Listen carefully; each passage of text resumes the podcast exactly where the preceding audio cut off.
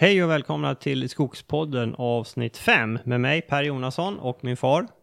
Eh, Bo Jonasson. Idag Boss eh, har vi en eh, intervju med Mats Nylinder som vi ska lyssna på. Ja, det ska bli eh, intressant. Eh, Mats Nylinder, professor emeritus i virkeslära på Sveriges lantbruksuniversitet. Stämmer bra det. Han har ju eh, forskat och eh, jobbat med virkeslära under lång tid och han har också skrivit eh, flera böcker om det här. Han har bland annat skrivit en bok som heter Timmer, en som heter Massaved, en annan som heter Björktimmer och en som heter Ädellöv. De här har han skrivit tillsammans med Hans Fryk och även Rolf Pape har varit med på Björktimmerboken och Lotta Vox, Voxblom på Ädellövsboken. Det här är bra böcker, jag rekommenderar dem. Bra. Eh, tilltalande böcker med väldigt fina bilder. Ja. Jag kan inte eh, undgå att, att berätta om att på 1950-talet var Mats Dylinders pappa eh, virkeslärarprofessor på dåvarande Skogshögskolan. Så jag hade honom som lärare då. Just det. Det här med skog och träd, det går i arv. det gör det ja. ja. Det fastnar i generna.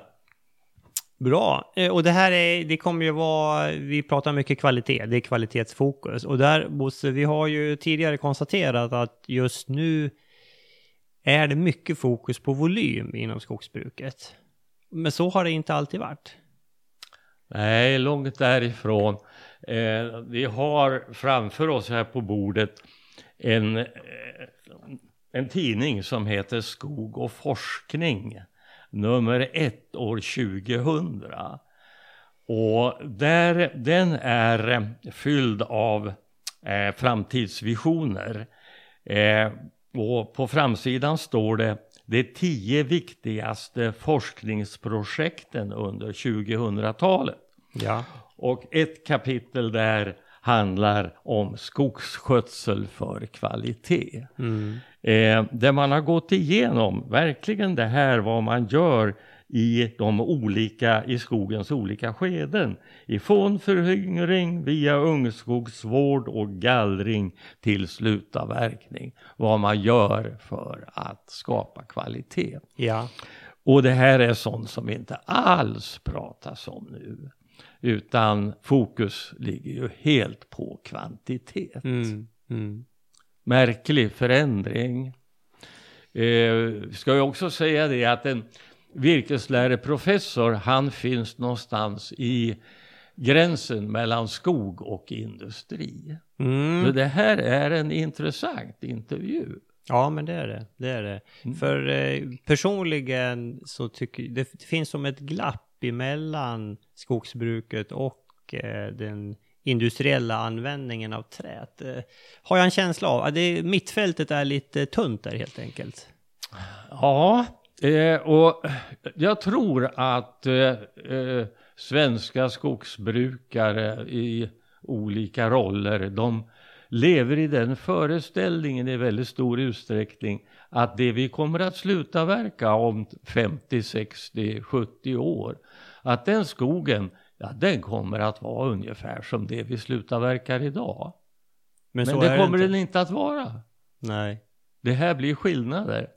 Och det, det är många faktorer som bidrar till det här. Ja. Att det är en annan skog vi drar upp nu Ja. än den som kom naturligt för hundra år sedan. Exempel. Våra röjningar skapar frodvuxet centrum med mycket ungdomsved. Om, om, om, man, om man röjer för hårt alltså. Om man röjer för hårt, ja. Eh, men även eh, vid en röjning till produktionsförband, låt oss säga vid tre meters höjd, ger ju den här effekten. Ja. Ja. Det är ju en, av avsikterna med röjningen faktiskt. Ja. Att påskynda den här dimensionsutvecklingen. Vi har också kvävenedfallet som ger en kontinuerlig gödsling av våra skogar. Ja. Bidrar också till grövre årsringar med de nackdelar som det innebär ur timmersynpunkt i första hand. Ja.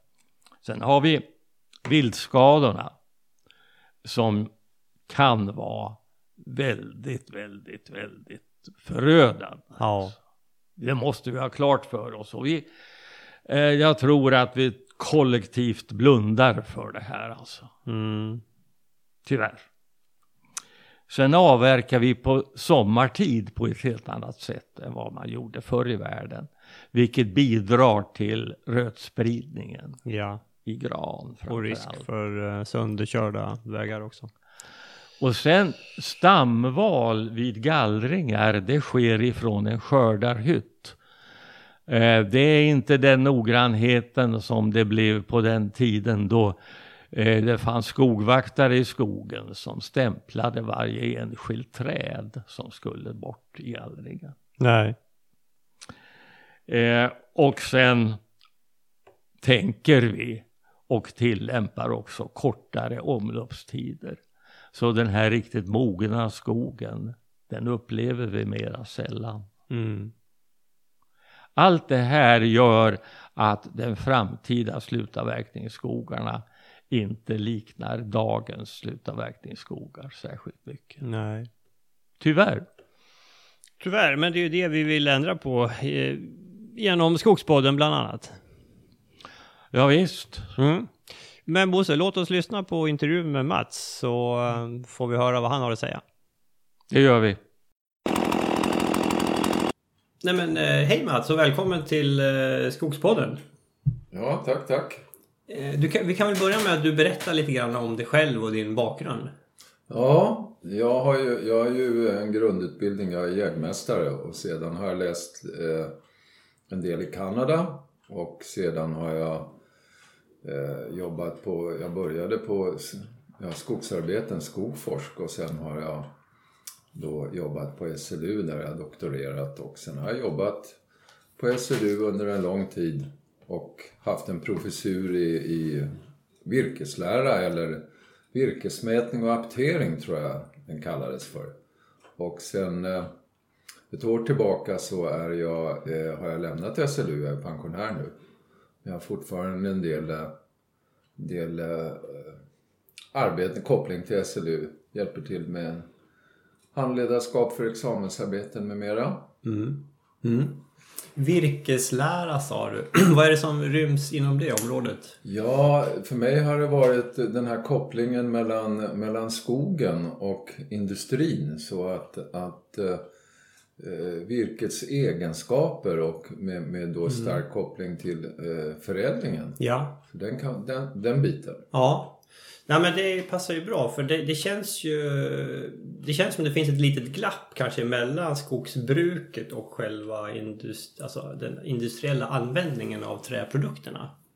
Ja, jo, jo det, det, det stämmer. Och något som jag funderar på många gånger det är skogsbruket, skogsskötsel. Man diskuterar många gånger olika träslag, hur man sköter virket men man, man diskuterar aldrig, eller väldigt sällan, vad, vad man ska ha det till. Och då säger man, ja men det vet man inte, det är ju om 50 år. Ja men ändå så måste man ju ha en idé om varför man håller på. Och inte, det kan ju inte vara ett självändamål att gå och plantera träd.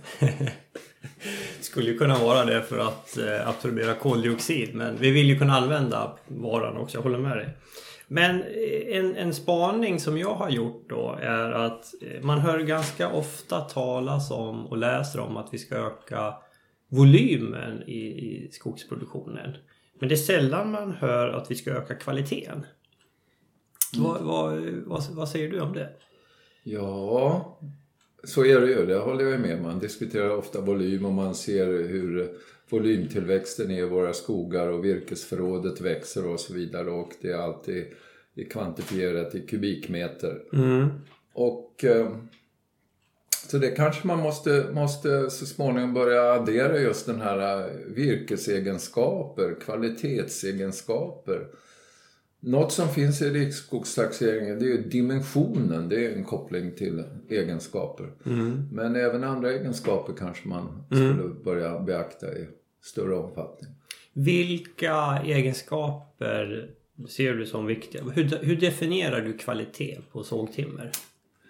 Ja, kvalitet. Det var någon som sa att ja, kvalitet det är eh, virkets lämplighet för en viss förädling. Mm. Så för sågtimmer så då får man fråga sig vad, vad ska jag ha för produkter?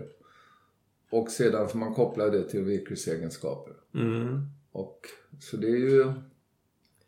Det är ju lite svårt ibland att specificera men man kan allmänna, allmänna begrepp det är ju då kanske som kanske står sig över lång tid. Det här är också att se in i den här kristallkulan men man måste göra det. Man, man måste, mm. man måste tro på någonting. Och eh, några egenskaper det är ju rakt virke. Ja. Det ser jag. Vad man än förädlar det till, även om det skulle bli massaved eller om det skulle bli någon, någon bränsleved så rakt virke, det, det, mm. det känns stabilt. Ja, rakt virke. Och eh, det innebär ju många gånger att, att, eh, att jag kanske kan odla det på ett visst sätt. Skogsskötsel, jag ska akta mig för sprötkvistar, jag ska ja. akta mig för defekter, jag ska akta mig för älgskador och så vidare. Ja. Så, sen andra egenskaper kanske är, det, det fastnar man ju också på kvist. Det har jag ja. aldrig, kom, eller mycket sällan kommit i kontakt med att det är en, det är en positiv egenskap ur någon typ av förädling. Nej. Nej, utan det verkar vara klen kvist, frisk kvist. Det är positivt. Ja. ja. Ur alla, även för massaved. Mm. Det, det, är positivt. Mm. Finns det mera egenskaper ja, sen så inte ser? Jag kom i kontakt med genom några examensarbeten och, och, lite med kontakter med sågverk. Det känns som att eh, egenskaper som kärnved håller på att komma tillbaka. Mm. Alltså det känns som att eh, kunderna ute i Europa och för olika typer av förädling så, så känns det som att kärnved börjar man uppskatta. Det ska vara mm. tresidig kärnved, ibland 100% kärnved och så vidare. Så, då, så om jag förstår rätt så en del sågverk letar det här virket i högre omfattning än tidigare. Mm, mm. Och eh, sen tror jag att det där kommer även komma fram på gran. Gran har ju också kärnved och den har bättre egenskaper än splintveden. Och det, det är allt eftersom kunskapen kommer fram, nya produkter, ja. och man tar vara på virket så tror jag att även kärnveden på gran kommer att uppskattas. Ja, ja, ja. Hur, eh, hur, hur, påverkar, hur, kan, hur, hur kan du påverka den? Kärnveden? Ja, kärnveden kommer ju eh, kanske efter 10 till eh, 20 till 30 år när trädet är så gammalt så börjar det bildas kärnved. Mm. Och sen pågår det där hela tiden. Och sen kan man ju säga att eh, en norrländsk fura på 200 år den har ju väldigt mycket kärnved och det beror ju mm. på att de sista årsringarna är väldigt smala, väldigt tunna. Mm. Medan kärnveden hela tiden växer kanske ett eller två år liksom i taget. Just det. Men sen har du ju då, du har ju ungdomsveden också eh, i början här. Ja. Junilveden. Ja, det, det är ju en... För, för, trä, för, den, för den solida träförädlingen så är det många gånger en negativ egenskap. Den krymper och sväller på ett annat sätt, har andra egenskaper. Just det. Så och då brukar man säga att kanske, då kan det vara kanske mellan 15, mellan de första 15 till 20 åren så, så bildas det ungdomsved. Just det. Och då skulle ju konsten vara att se till att det växer väldigt långsamt där i början. Mm. Så får man en, en begränsad mängd ungdomsved. Just det. Så de första 15-20 åren bör man man bör ha ganska tät ungskog då för att få det att växa långsamt. Ja, så kan man säga. Ja. ja för då... Men sen, sen blir ju ungdomsved även, i, i, även, även när trädet är 50 år och de toppskotten kommer där uppe så mm. är det mm. ungdomsved. Mm. Så vid en slutavverkning, toppstockarna, de har ju många gånger kanske nästan 80-90% ungdomsved. Ja, ja, ja. Så och, och det kan vara i, för massaindustrin, för vissa produkter så, så är det positiv egenskap. Mm. Men inte för, för virke? Nej, inte för, inte för, inte för, den, inte för sågverksindustrin. Nej, nej. Ja, okej. Ja. Eh, densitet. Ja, densitet det är ju... Det känns som att det är positivt nästan i alla sammanhang alltså. Att ha en hög densitet. Hög densitet. Kanske att det skulle vara positivt att ha låg densitet till vissa konstruktioner om man kan bibehålla en hög hållfasthet. Men generellt så hög densitet är ju positivt. Ja, och, och när vi talar gran, gran och tall då, är ju, då ökar ju densiteten med mindre årsringar. Ja, så är det. Så det ska ju växa lite långsamt, Långsamt. då. Och där finns ju, jag menar, både på gran och tall finns det ju det får vara max antal årsringar för att vara klass 1 och så vidare. Men det är ju det är bara upp till en viss gräns. Mm. Sen får man ju inte mera betalt för att det växer ännu långsammare så att säga. Nej, nej. Så där kan det ju finnas ett glapp. då. Ja. Så... Och när, är det och när det gäller massaindustrin, jag menar där har du, du får väl ut mera massa om du har en högre densitet i björken till exempel.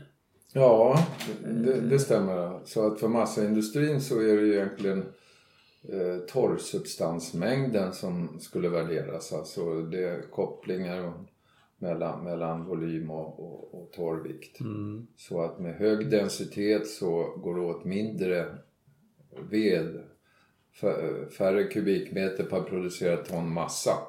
Så, så, och det kan man se på massaindustrin, det här så kallade vedåtgångstalet, alltså hur många kubikmeter det går åt för att göra ett ton massa. Det varierar lite i landet och då kan man se att det är ganska bra kopplat till eh, de här övergripande eh, densitetsområdena om man säger så. Ja. Då har vi, eh, vi pratat om att virket ska vara, det ska vara rakt, det ska vara lite kvistar, små kvistar. Det ska ha hög densitet, mycket kärnved.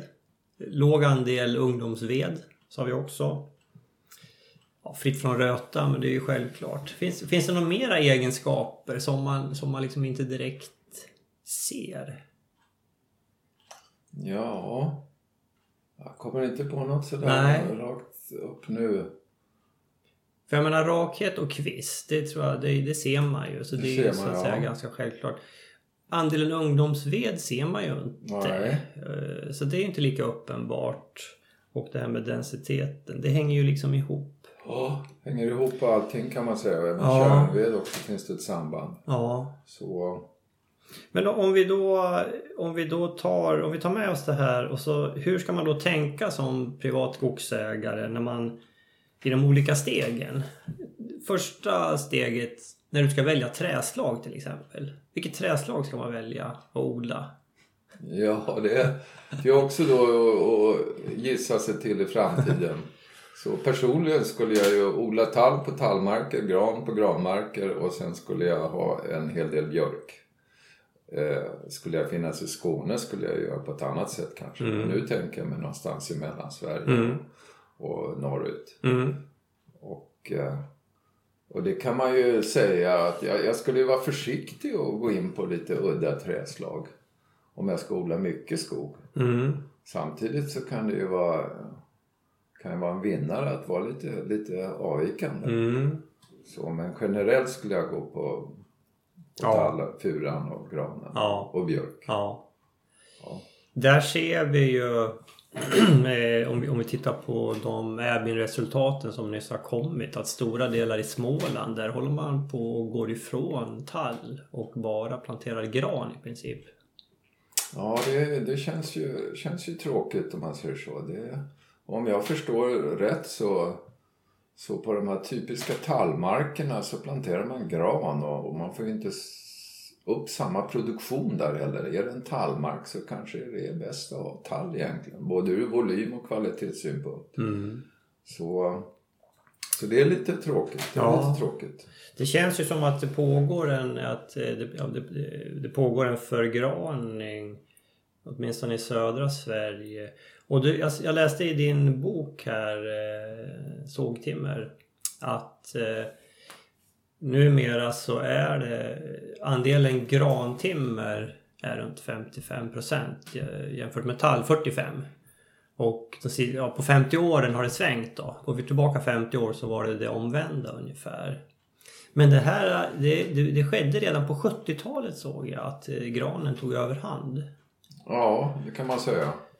Det, det, och, och det fortgår fortfarande. Ja, det känns väl nästan som att det ac- accelererar om man tittar på vad, hur, vi, hur vi beskogar eh, just nu då. Ja, ja, det stämmer. Eh, Och, och det är klart att det här kan göra att eh, tall blir en bristvara. Ja, det, det kan bli så ja. Mm, det stämmer. mm, Ja. mm. Det här med björk nämnde du. Eh, och eh, jag tittade i din... Eh, du har ju skrivit en bok om björktimmer också. Och där blev jag förvånad för där har ju eh, alltså hållfasthetsegenskaperna hos björk är ju högre än, än, än hos tall och gran. Mm. Ja, nej, nej, ja, visst är det så. Men nackdelen där med, med björken det är väl att det är... Eh, det används inte idag som konstruktionsvirke. Alltså det, det, vikten gör att, att det är mindre lämpligt som konstruktionsvirke. Aha. Så, Okej. men det har ju en bra densitet. Ja. Och eh, det skulle jag kunna tänka mig att om, om det i framtiden fanns eh, lite finare björkbestånd Mm. så skulle det kunna vara en, en vinnare om man kallar det så. Dels Mm. kanske vi skulle få igång en fanerindustri och eh, dels så känns det som så att nu massaindustrin idag de har ju lite brist om jag förstår rätt på björkmassaved och det är det man importerar. Just det. Så, så det känns som att det kanske, kanske kan vara en vinnare att öka björkandelen. Samtidigt finns det ju för få sågverk som har björk. Ja. Så, men det kan ju vara något. Jag såg någon siffra att det var alltså av det timmer som vi sågar i Sverige var 0,6 procent från björk. Ja, Det var är ju- jättelite. ja, det är försvinnande lite. Ja, men eh, och sen då att, att eh, hållfasthetsegenskaperna och hårdheten är högre hos björk. Så det, till viss konstruktion skulle det kunna vara lämpligt då. Ja, det, det skulle kunna vara. Och om jag förstår rätt så vad jag läste i Norge gör de väl en del experiment och ta in björk i, i, i limträ, limfog och så. Ja, ja, ja. ja. Så, Ja. Det, nu är det ju sällan som man ser liksom riktigt höga och, och raka björkar. De, jag menar, de blir ju ofta betade till exempel och så. Men eh, det här kan ju vara någonting att, att titta vidare på. Odla och verkligen satsa på att få fram det. Ja, och, och man kan ju om man åker till östra Finland så ser man ju, där kan, finns ju många väldigt fina björkbestånd. Mm. Och eh, inom forskningen så, så har man, kommer det fram mer och mer kunskap hur man kan kvista björk. För att få en bättre kvalitet. Ja. Men det är självklart om vi har mycket älg då är det jobbigt. Ja, då är det jobbigt. Det är Ja. nästan som man måste hängna. Och då blir det dyrt. och, och då blir det dyrt ja. Okej, så då eh, det var första valet då. Vi, tall på tallmark, gran på gran och sen komplettera gärna med björk då och, och naturligtvis andra träslag. Men sen då det här med eh, stamantal. Vi eh, snuddar ju vid det när vi pratar ungdomsved och sådär. Normala är ju att du kör med du sätter 2 500 både gran och, och tall. Eh, vad säger du om det? Ja, nej men det är väl, det, det, jag kan inte så mycket om stamantalet egentligen men generellt så, så, eh, så tätt som möjligt skulle jag vilja säga. Mm. Kopplat till, till vad det kostar. Men, men för kvaliteten och virkesegenskaper så är det ju bra med, med täta ungskogar. Det är där ofta kvaliteten skapas. Så, så, men just antalet vågar jag inte gå in Nej, på. men täta Ja. ungskogar. Mm. Nej men eh, där har ju vi, eh, jag har ju sett att det är väldigt lite som sås. Mm. Man har ju en del eh, självföryngring naturligtvis, Mm. speciellt av tall. Men jag tror jag läste en siffra, jag tror det var 4% av som, som vi sår alltså. Mm. Och där, eh, vi sår ju väldigt mycket eh, på våra skogar och eh, där tycker vi att det, det bör fler göra för det är ett väldigt bra sätt att få upp en tät skog. Där kan du ju få upp 8 till 10 000 tallar per hektar Mm. utan problem. Då får du en, en, att det växer långsamt i början och du får mycket stammar att välja på sen Eh, och eh, framförallt om du har älgbete också. Ja, det känns ju, det känns ju känns klokt. Mm. Där kan jag ju tillägga att vi gjorde några studier på institutionen. Det var ett, ja, det var ju ett antal år sedan men då tittade vi på eh, kopplade till eh, föryngringsmetod och kvaliteten var på furan. Och då såg vi att, att vi kunde se ett samband med eh, tryckved eller, eller tjurved som man säger i rotstockens eh, nedre del. Om det var planterat med barrotsplantor. Det var ju många gånger så att de där kom ju inte riktigt rakt när man planterade utan det gick undan och de kom ner snett. Och även med, med täckrotsplantor så är det inte alltid de kommer liksom rakt. Men däremot sådd och självföryngring då växer ju trädet från början rakt upp. Och då kan, får man kanske inte den där effekten. I vilken omfattning det här är, det, det vågar jag inte säga. Men, men vi hittade tydliga samband där med mm. barrotsplantering och tjurved i nedre delen av rotstocken. Okej. Så när man planterar då, då är det viktigt att plantan kommer rakt från början? Precis, så att, så att, och, och att den kommer snett så hänger det kvar ganska länge innan det rättar till sig. Okej. Ja men det är bra att tänka på. Ja, eh, och, och sen har vi, vi kommer in i en röjningsfas. Ja, det är väl också så att, att eh, om man har råd och ork att röja vid flera tillfällen och steg för steg glesa ut beståndet så, så känns det som att då, då kan man skapa fin kvalitet. Om vi nu hela tiden kopplar kvalitet till rakhet och eh, kvistighet och så vidare. Så man bör redan vid de första röjningarna börja eh, se till att man spar de fina stammarna. Ja, det, så bör man väl göra. Ja.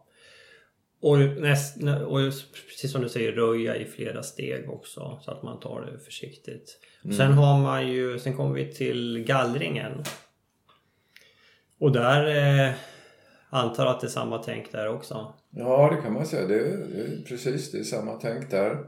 Där har man kanske en möjlighet att, att ta bort en del träd som då är krokiga och sprötkvistar och så vidare. Så där kan man verkligen liksom höja kvaliteten tror jag. Ja, ja.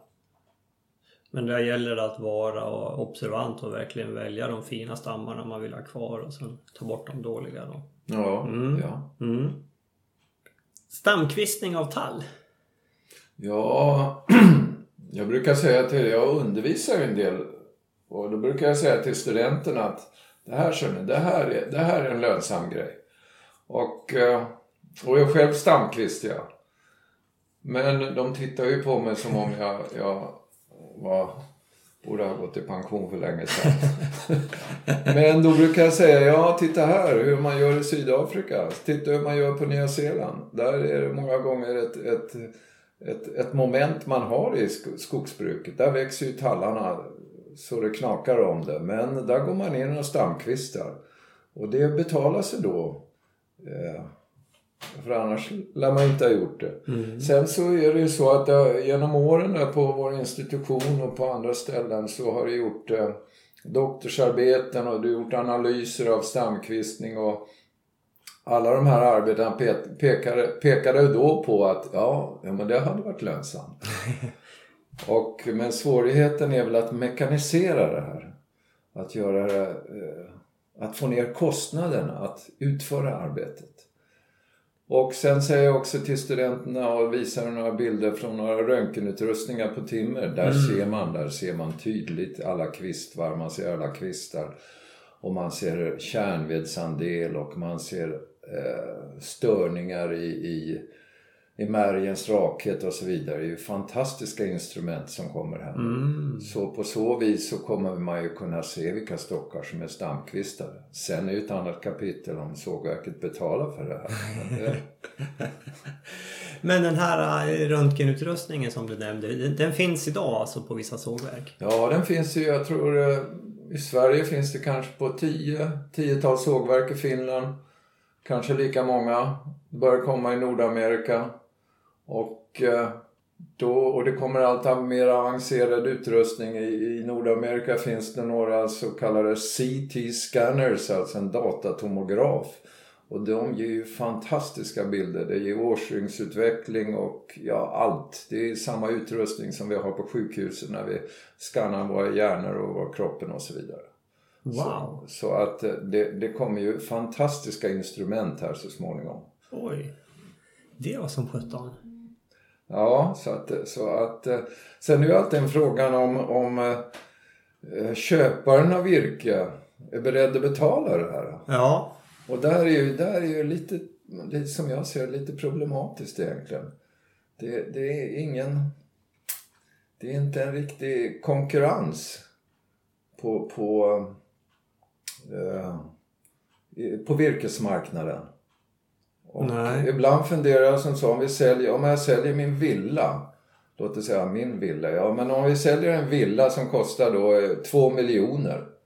Ja, då har vi mäklare och det är fantastiska eh, projekt och, och eh, presentationer av villan och så vidare. Mm. Och den går ut på nätet till mängd olika tänkbara köpare. Det är öppet för nästan hela Sverige. Mm. Men ska jag sälja en rotpost eller sälja en, en, en avverkning? Ja, hur går det då till? Ja, det är nästan så att, att, att jag ringer upp till företaget som köpte förra gången och talar om att nu är en avverkning på gång. Det borde ju finnas en, kanske på sikt en, ett mellanled där, en typ av mäklare som liksom marknadsför det här och som vet vilka sågverk som kan tänkas vara intresserade. Det kanske är så att eh, ett sågverk eh, ganska långt bort skulle, om de visste om det här virket, kunna bjuda en del. Ja. Men här är, är det så att det känns som att det, Mm. det fungerar inte riktigt. Nej. Och sen kan man ju fråga sig, virkesmätningen, ja det, det har ju varit väldigt positivt kan man säga för Sverige att vi har en standard. Men sen måste man ju komma ihåg att standard också har ju en viss hämmande effekt. Så att om, om eh, kommer det fram där vilka, vilka egenskaper virket har så att säga. Mm. Och det, det, kan man, det kan man faktiskt fundera kring. Ja. Så att eh, det borde ju kanske vara så att sågverk, sågverk A de vill mäta in virket på sitt sätt för de har sin marknad och sina produkter och sågverk B vill ha andra regler Mm. och sågverk C och så vidare. Det är så liksom vi utvecklar produkter hela tiden Mm. och tar vara på råvaran kanske på ett bättre sätt. Samtidigt så är det ju otroligt fint att vi har en standard i Sverige. Vi kan byta virke kors och tvärs över hela landet. Men där ju- det finns både för och nackdelar. Mm. Mm. Nej men just när det gäller kvistren furu till exempel då som det, det, idag får du ju inte, det finns ju inte med i prislistan liksom. Du får ju inte kanske betalt för det riktigt fullt ut. Nej, Precis som du är inne på. ja. Och eh, Men det kan väl vara en, en, en uppmaning till våra sågverk här då att eh, vem, vem, vilka blir de första att verkligen premiera hög kvalitet och betala för det? Ja, och se till att kunna suga åt sig då den riktigt fina kvaliteten. Mm.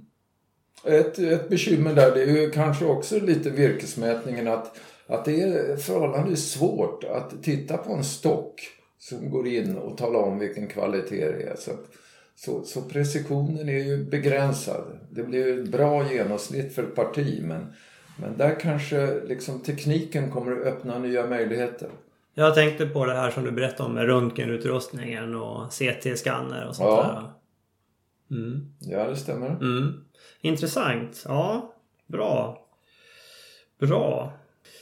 Eh, om, om vi pratar eh, alltså mekaniska egenskaper hos, hos virke och trä. Vilka liksom, fundamentala skillnader har vi där då mellan tall respektive grantimmer?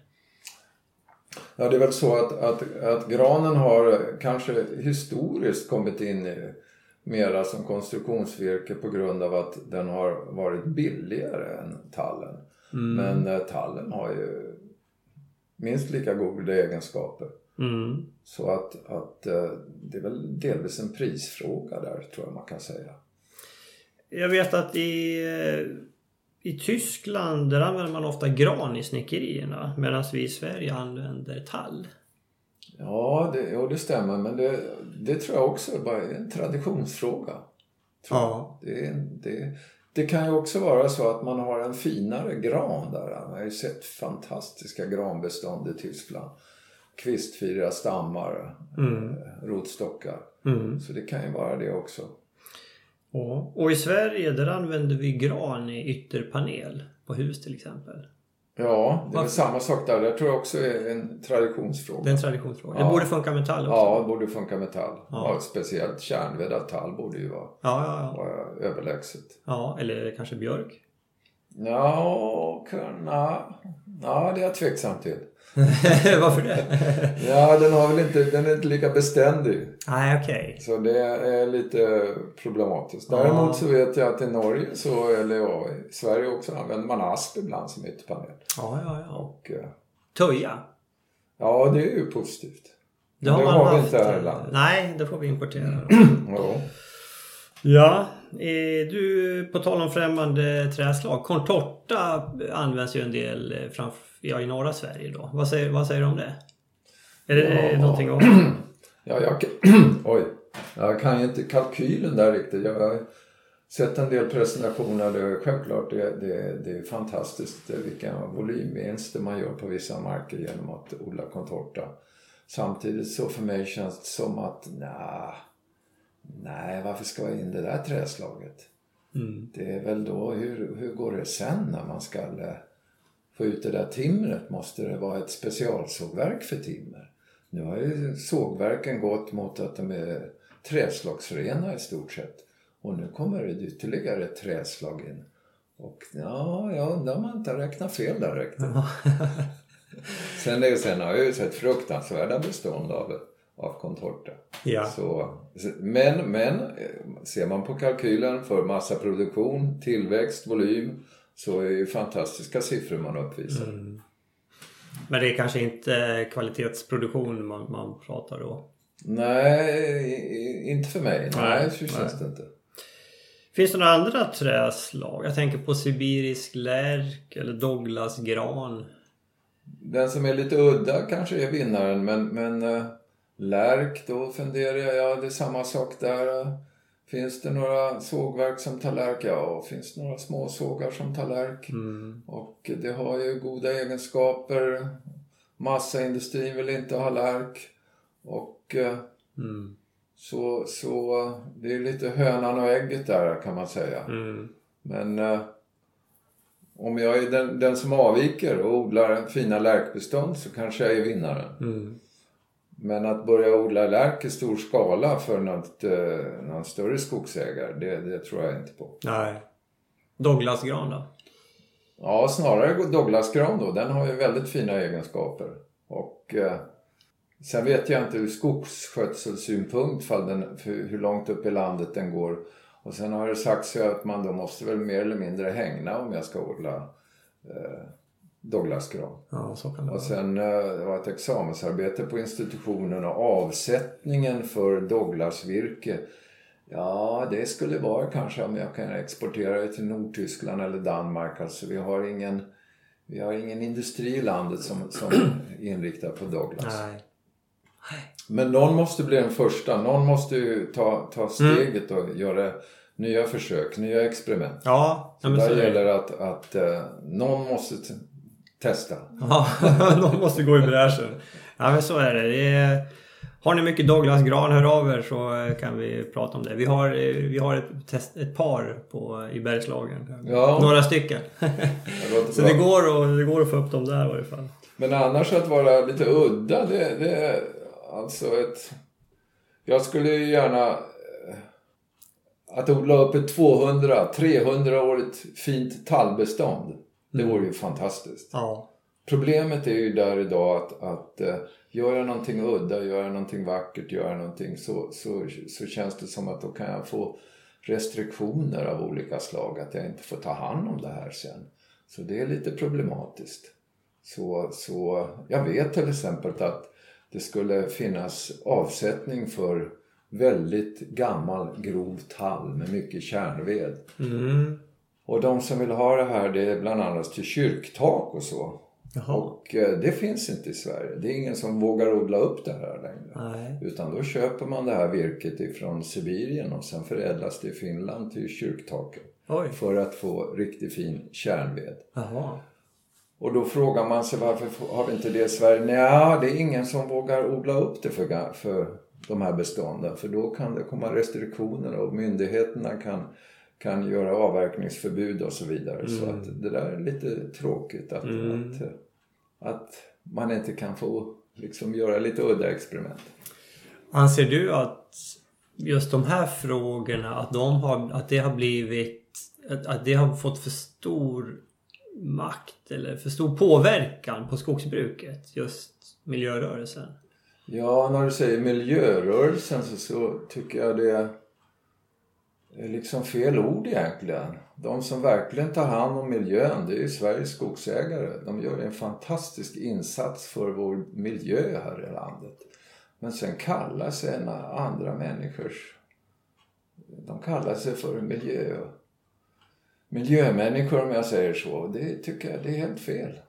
Jag tycker att Sveriges skogsägare, det är de verkliga miljömänniskorna Människorna här i landet. Och de skapar biologisk mångfald och ju mer skogsägare vi har, ju mer biologisk mångfald och det här är ansvarsfulla människor. Och, och eh, så där tycker jag har gått verkligen snett här i landet. Ja, jag ja. Eh, säger inte emot dig. jag säger inte emot dig. Ja, intressant. Eh, det här eh, när du sa, eh, för att knyta an till, tillbaka till eh, kyrktaken. Hur gammal måste furan vara där alltså? Ja, den, den skulle kanske upp i en 200 år. Och eh, så att det blir riktigt fin kärnved. Och det är så att, att jag vill ha på de här taken vill jag ha eh, ämnen som är tillräckligt breda så att jag kan såga ut de här. Jag vill gärna ha lite stående årsringar så det går åt lite virke. Och eh, jag kom själv i kontakt med ett, ett problem. Det var Mattmars kyrka uppe i Jämtland. Och där hade taket suttit i, ja det var väl en 200 år, 300 år kanske. Och nu skulle man byta det här. Och då frågar man sig, var får vi tag i det här virket? Ja. Och då visar det sig så att i Sverige är det nog svårt att få tag i det här virket. Och eh, för man, man, man vågar inte spara virket. Mm. För att man är rädd om sin skog, att man inte får, får, får, får full kontroll över det. Så Ja. att säga. Ja. Och då vet jag att då går det till så att då köper man de här kyrktagen många gånger från Finland och finnarna Mm. de har ju samma problem som vi så de importerar de här grova tallarna från Ryssland. Jaha. Och så sågar man upp det här. Ja, ja, ja. Det är ju en tråkig utveckling om det är så att eh, skogsägaren inte känner att man har full frihet att styra sin produktion då på vilket sätt man vill. Just, Ja, just i det, det, det begränsar ju den biologiska mångfalden Mm. kan man säga. Och, och mångfalden överhuvudtaget blir begränsad. Ja. Ja, nej, men det där är värt att tänka på. Absolut. Bra synpunkter. Alright Mats, du, vad, om vi tittar lite framåt. Vad, vad tror du, vad, vad ligger i pipen när det gäller utveckling av både skogsbruket och användning av produkterna?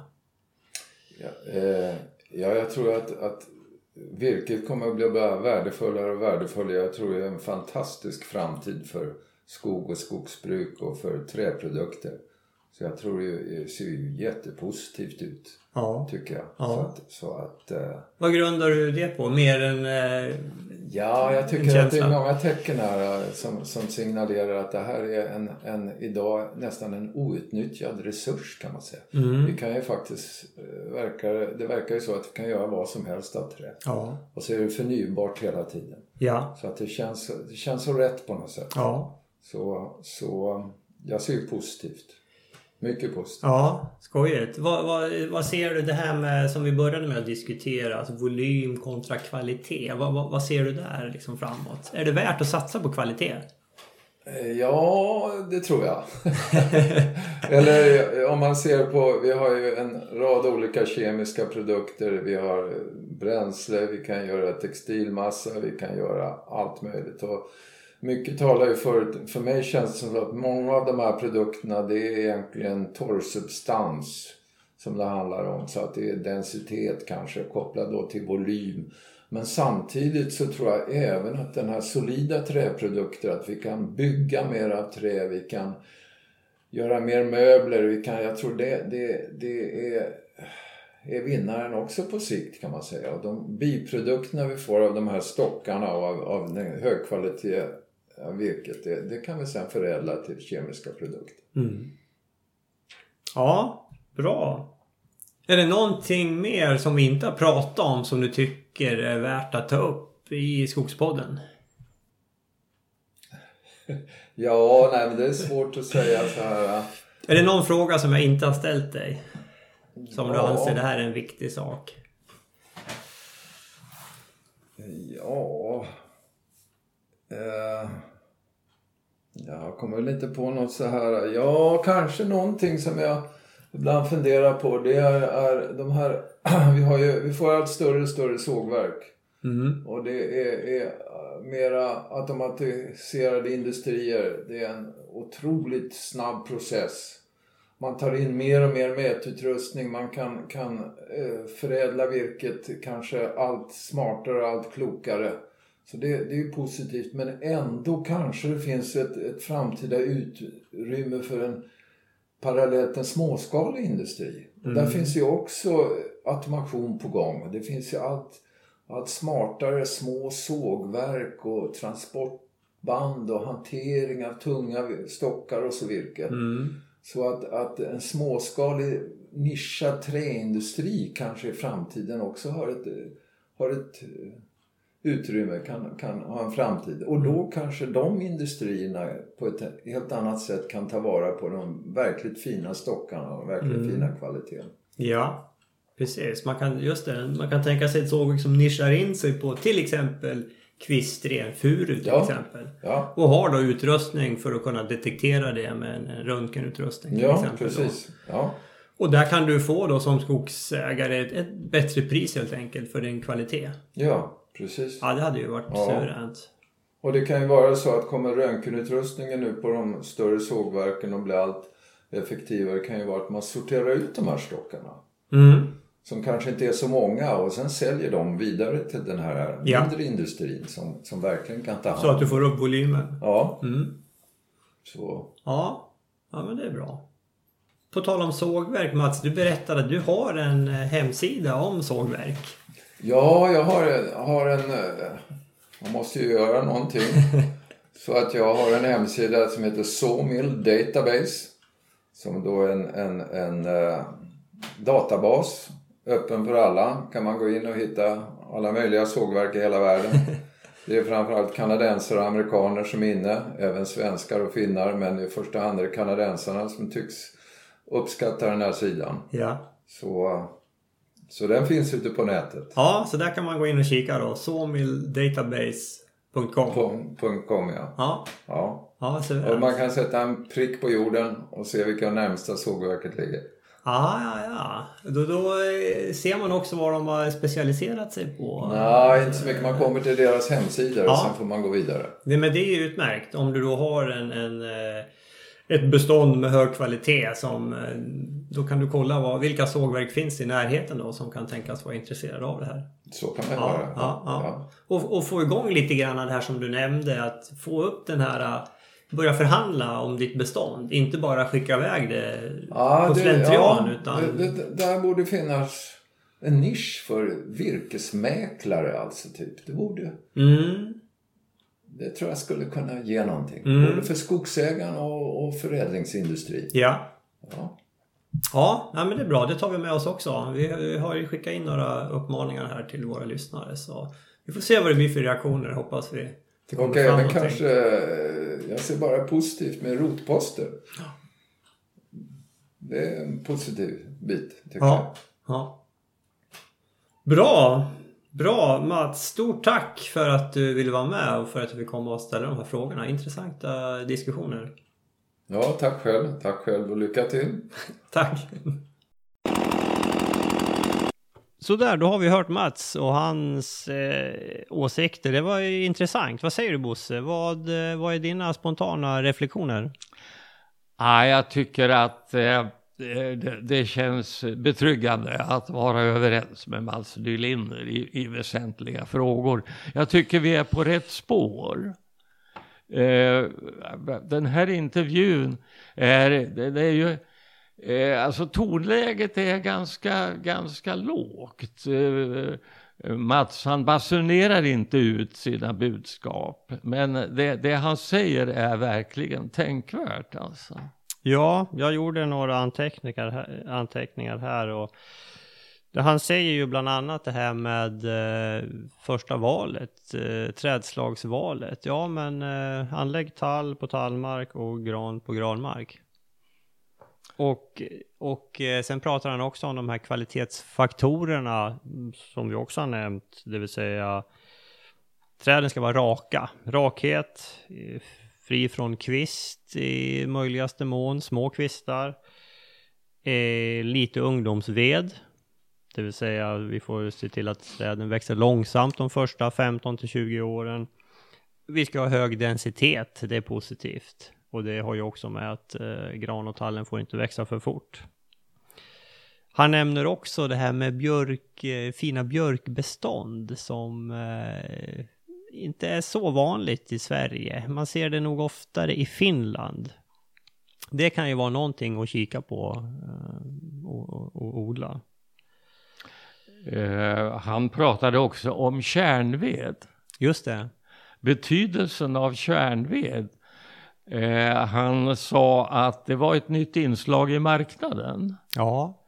Eh, att köparna kräver en viss kärnvedhalt. Ja. Och det här är ju fråga om trädets mognad och ålder. Ja. Eh, så kortare omloppstider minskar kärnvedhalten. Just det.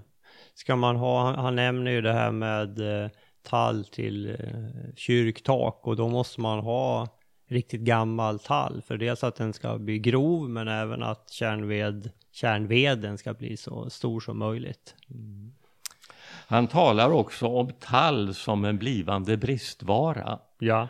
Och, och visst, det är ju en logisk följd av att i stora delar av Sverige så pågår ju en förgraning. Ja. I Jönköping kommer det att bli brist på, på tall. Det vet ja, vi ju. Det vet vi i, i Småland. Vimmerbytallen är hotad. Ja, ja. Han nämner också det här med att röja i flera steg och redan tidigt eh, rikta in sig på ett urval av kvalitetsstammar. Eh, både i röjningen men också i gallringen. Det har ju vi varit inne på också. Han pratar också det här om att sådden ger täta plantskogar. Eh, och eh, som kontrast till det så pratar han om planterad tall eh, som kan råka ut för både det ena och det andra. Bland annat eh, rotkrokar mm. som uppstår i plantstadiet och som finns i trädets hela liv. Om inte annat så som rejält med tjurved i rotstocken. Så där är det ju viktigt att när man planterar att, att plantan kommer helt rakt. Men det är ju, när, vi pratar, när du och jag pratar plantering, då pratar vi gran.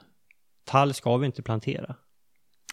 Det är vanskligt. Jag, jag tycker vi slår fast det nu, att nu, ja. nu slutar vi plantera tall ja. och kör med antingen självsådd eller manuell sådd. Ja. Eller en kombination. Ja, nej men det, det är ett bra beslut. Ja. ja. Då har vi bestämt det. ja. Um, men sen blickar han framåt, eh, Mats också, och pratar om detta med röntgen. Just det. Mm. Intressant. Och datortomografi. Just det, ja. Som eh, eh, faktiskt låter intressant för en som eh, ägnar sig åt stamkvistning. Ja, Precis. Och, och, han, han, eh, där är han ju, ja han blir lite entusiastisk när, när han pratar om det här. För mm. att det, han, han, tycker att det här är framtiden. Och det finns alltså ett antal fungerande anläggningar i Sverige och det kommer säkert att öka. Ja, det där skulle ju vara väldigt intressant att se hur det ser ut i praktiken. Eh, får se om vi får återkomma till det i Skogspodden. Men helt klart att kunna få ut och få ut priset på den kvistfria stocken, så, vilket är svårt idag. Idag får ju sågverken det här utan att betala för det kan man säga. Eh, precis som Mats nämner. Eh, Mats pratar också om specialsågverk. Han tänker sig alltså mindre sågverk som såg, sågar speciella kvaliteter. Mm. Det låter bra.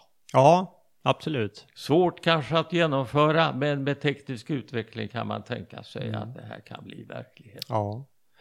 Mera, precis, och me- mera specialiserade på inom vissa nischer och, och framförallt inriktad på kvalitet också då. Ja. Ja, Ett exempel på ett existerande sådant det är ju Ansgarius Svensson ja i Södra Vi. just det.